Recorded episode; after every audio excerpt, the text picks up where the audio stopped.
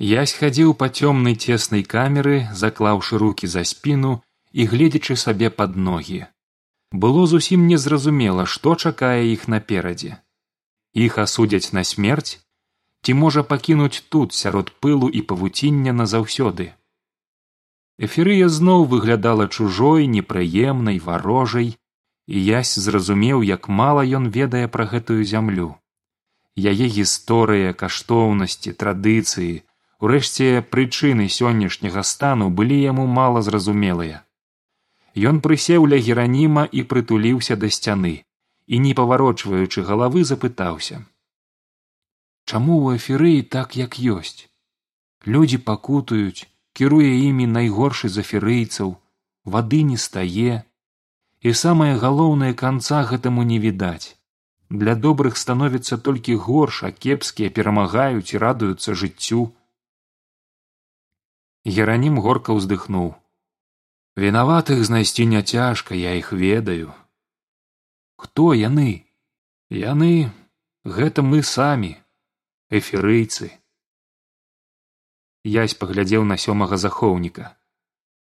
Што гэта значыць? Усё вельмі проста. Мы заслужылі вормара. Мы забыліся пра тое што трэба шукаць справядлівасці рабіць дабро адзін аднаму пачалі хлусіць і не давяраць палохаць і баяцца расчараваліся і зняверылі іншых. Мы забыліся пра пошукі жывой вады якая была нам абяцаная. Ведаеш я чытаю старажытныя кнігі і бачу што раней мы жылі правільна. І гэтае разуменне правільнага было ў нас саміх унутры нашага народа. Але пакрысе ўсё больш і больш эферыйцаў сталі сыходзіць з гэтага шляху хто ведае можа вормар якраз і жыве правільна. Калі ён хацеў захапіць гэтую краіну і ў яго гэта атрымалася то выходзіць што для сваёй мэты ён усё правільна зрабіў. Кажуць што ў кожнага свая праўда. Праўдаў не можа быць некалькі. Яна адна. Ёсць праўда і няпраўда ісціна і хлусня. А вось ужо задача чалавека знайсці гэтую ісціну ці прынамсі імкнуцца шукаць. І калі мы яе знаходзім жывём згодна з ёй толькі тады і можа атрымацца з нашага жыцця нешта добрае.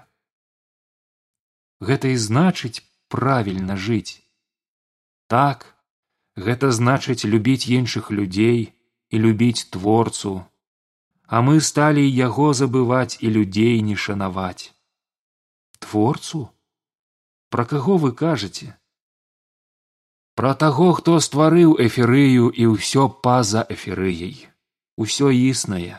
Увесь гэты прыгожы і складаны свет. Даў нам душу надзяліў здольнасцю кахаць захапляцца красой даў магчымасць ствараць разам з ім. А чаму б яму не зрабіць каб кожны яго бачыў? А калі ты глядзіш на свет хіба за ўсім гэтым творам ты не бачыш творцу? Але ці дастатковы гэта доказ? А ён нікому нічога не даказвае. Розуму і веры дастаткова. І вось калі ты пойдзеш за розумам і паслухаешся веры вось тады ты зможаш убачыць шмат чаго. Увогуле ён заўсёды дае чалавеку магчымасць выбіраць дабро альбо зло жыццё альбо смерць усё залежыць ад цябе. І навошта гэта? Ці не прасцей для нас і для яго было б зрабіць каб мы заўсёды любілі яго верылі ў яго і каб нам не было куды ад гэтага падзецца? Ну напрыклад зрабіць так каб мы нават і думаць па іншаму не маглі. Можа тады і зла б не было і все б слухалі толькі яго. То бок забраць у чалавека магчымасць сумнявацца не слухаць яго выбіраць не ягонае а сваё так менавіта прабач што задаю табе пытанне у цябе ёсць дзяўчына якая табе вельмі падабаецца ясь на секунду сумеўся але адказаў. Ну ёсць. А ці хацеў бы ты каб і ты падабаўся ёй? Так. Тады падумай ці важна было б табе каб яна кахала цябе па сваёй добрай волі свабодна каб мела права выбару і выбрала цябе? І ці была б для цябе каштоўнай яе любоў калі б ты нейкім чынам гэты выбар ёй навязаў? Напрыклад ведаеш такое чароўнае зелле. Даў выпіць каханай і яна хоць раней ты ёй не падабаўся раптам пачынае цябе кахаць. Яна любіць цябе але не па сваёй добрай волі. Думаю што не я б такога не хацеў. Вось і ён не хоча. Любоў мусіць быць свабодным выбарам і толькі тады яна каштоўная. Мы самі прымаем рашэнне любіць ці не любіць. Любіць яго альбо любіць нешта іншае больш чым яго. Я сядзеў гледзячы ў вузенькі праём акна усе гэтыя словы гераніма былі занадта складанымі. Яны занадта шмат будуць ад яго патрабаваць калі ён пагодзіцца з імі. Яны могуць змяніць яго жыццё а перамены нават тут у турэмнай камеры яго палохалі. Ён узгадаў як аднойчы позна ўвечары яны з міркай сядзелі разам на ганку. Ужо сцямнела але заставалася яшчэ трохі часу да таго моманту калі трэба было правесці яе дадому неба было насычана цёмным ім было добра відаць россып яркіх зорак і нябесны туман млечнага шляху. Як ты думаеш гэта ўсё само з'явілася раптам запытала гледзячы ў неба мірка. Я не ведаю і я не ведаю. А мог бы ты поверыць што хтосьці вялікі вялікі зрабіў гэта? Як жа я магу поверыць калі я гэтага не бачыў мой тата кажа што верыць можна толькі ў тое чаго не бачыў. Не зусім зразумеў. Бо калі пабачыў тады ўжо верыць не трэба. Тады ўжо ведаеш. Давай не будзем пра гэта. Чаму? Таму што ўсё гэта не для мяне. Тады я змоўк і проста глядзеў разам з ёй у глыбокае начное неба. Зноў пайшоў дождж, сядзець было сумна, ясь устаў і пачаў хадзіць па камеры, а затым вырашыў запытацца ў гераніма, хоць гэта было і смешна ў такой сітуацыі пра магчымасць вярнуцца з эферыі дамоў. Стэфан сказаў мне, што вы ведаеце, як вярнуць чалавека назад за туман, што вы чыталі пра гэта ў хроніках? Геранім адказаў не адразу. У мяне ёсць. Былі дома гэтыя запісы там вядзецца толькі пра тое што так сапраўды аднойчы вандроўніка адправілі да хаты. Але няма нічога аб тым як яго адправілі. Баюся стэфан мяне кепска зразумеў ці я кепска яму тлумачыў. Я сядчуў як ногі яго падкошваюцца і прыхінуўся да сцяны. Вось значыць усё. Назад шляху няма пранеслася ў галаве дамоў ён не вернецца ўжо ніколі. Мірка застанецца без жывой вады калі ўвогуле гэтая вада існуе. У горле сціснула перасохла. Ясь на ватных нагах падышоў да акна і зноў высунуў у яго кубак. Усё неба было зацягнутае надзвычай нізкімі аблокамі. Здавалася што яны апускаюцца на зямлю. Кроплі звонка барабанілі па донцы кубка але стаяць чакаючы пакуль пасудзіна напоўніцца давялося доўга. Залева ўжо спынілася ішоў дробны дождж. Паднятая ўгору рука страшэнна зацякла і дрыжала ад напругі.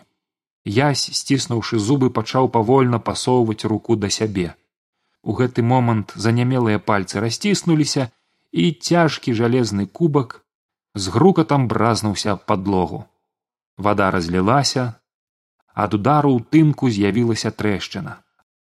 Ясь ужо быў гатовы застагнаць ад крыўды як заўважыў што лужынка схавалася ў гэтай невялічкай шчыліне. Ён узяў у руки кубак і прымерыўшыся рэзка ўдарыў металічным абадком па падлозе. Гук быў глухі і ясь не хвалюючыся што ў камеру ўварвецца ахоўнік ударыў яшчэ раз. Кавалак тынкоўкі адламаўся геранім з цікаўнасцю паглядзеў на яся у гэтай камеры падлога якую можна разбіць кубкам? здзіўлена запытаўся сёмы захоўнік. Не гэта ўсяго толькі тынк расчаравана адказаў язь далей ідзе камень. Ён падняў адламаны кавалак памерам з дзве далоні і паспрабаваў прыставіць яго назад.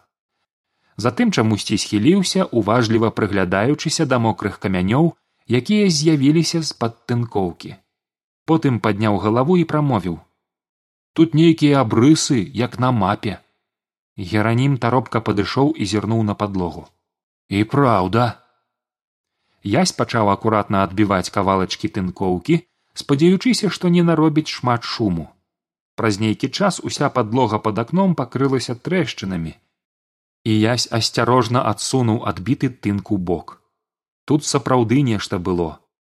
Разлітая вада абмалёўвала лініі выразаныя на падлозе Урэшце язь змог разабраць кароткі надпіс. Літары былі быццам знаёмыя, і яму здалося, што сярод рэшты нечытэльных ён пазнае э і ф. Тут напісана эферыя запытаўся язь гэта мапа краіны? Так гэта мапа краіны пільна ўглядаючыся кіўнуў геранім. Ці лепш сказаць кавалак мапы. Астатняя частка відаць схаваная пад тынкам сёмы схіліўся над надпісам. Яна зроблена даўно гэта старажытныя эферыйскія літары.